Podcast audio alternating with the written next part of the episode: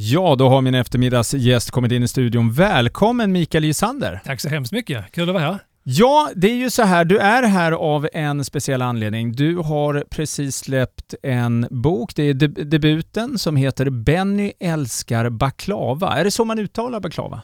Uh, ja, därom tvistar de lärda lite grann. Uh, baklava eller baklava har man hört. Uh, men uh, eftersom Tareq säger baklava på skånska så kör vi på det. Okej. Okay. Han borde veta. Ja, ja verkligen. Benny älskar baklava. Vad, vad, vad kan vi berätta om debutboken? Man kan väl säga att idén föddes lite grann i ordet misstänksamhet. hur hantera människor misstänksamhet. Du vet det här klassiska, eh, det kommer nytt folk till byn, eh, man tror inte riktigt gott om dem. Eh, och Benny och hans vänner som bor i Klippan, de möter detta. Det kommer ett gäng nyinflyttade till byn och eh, genast så blir det ju lite stökigt på byn. Folk gillar inte det. Det är gamla invanda mönster, ställs på ända och så vidare. Så att det, det händer lite saker på byn och eh, Benny och hans vänner tar inte emot de här nyanlända med direkt öppna armar. Och sen får vi följa Bennys resa kring detta. För det sker såklart en, en utveckling. Och han är ju en fotbollssupporter utan dess like dessutom och har lite olika rörmokare va, var det ja? Benny är VVSare, det är han. Mm. Ja, eh, spännande. Jag har ju läst allt utom de sista eh, 50 sidorna. Jag har inte riktigt hunnit med det, Micke, men den är otroligt bra måste jag säga. Tack så mycket. Eh, tittar jag då eh, på de olika online-ställena på nätet där man kan beställa det så har det ju fått höga betyg också. Hur har mottagandet varit?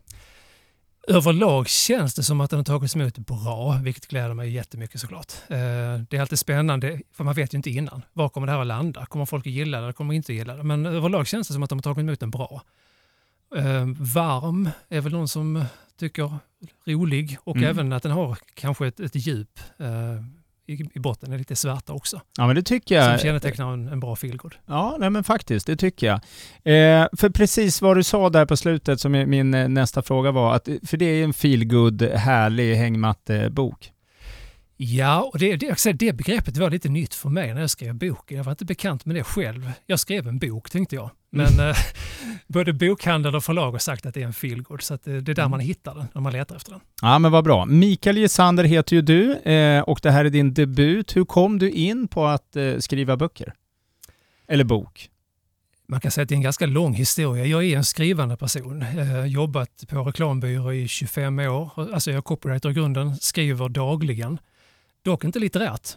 Men jag har varit en läsande människa i alla år, utan författardrömmar faktiskt. Det var först de sista fem sex åren som jag kom in på det här att man kanske skulle skriva en bok.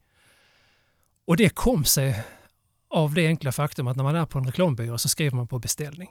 Kunden har ett ämne och det är även kunden sen som recenserar om det här är bra eller dåligt. Mm. Och efter det 25 års skrivande så tyckte jag att är det inte dags för mig att skriva något eget där jag själv väljer ämne och där jag själv bestämmer vad som är bra och dåligt. Så sagt och gjort. Jag började skriva på ett manus eh, för en fem sex år sedan som inte blev publicerat någonstans. Men som sen ledde till att jag började skriva på Benny. Mm. Som efter då ett, ett antal eh, vändor blev antaget på Modernista i Stockholm. Mm. Ja, eh, spännande. Och så är det ju så här att Micke, du är ju från, eller bosatt i Lomma. Yep. Eh, och det här utspelar sig i Klippan. Hur kommer det sig?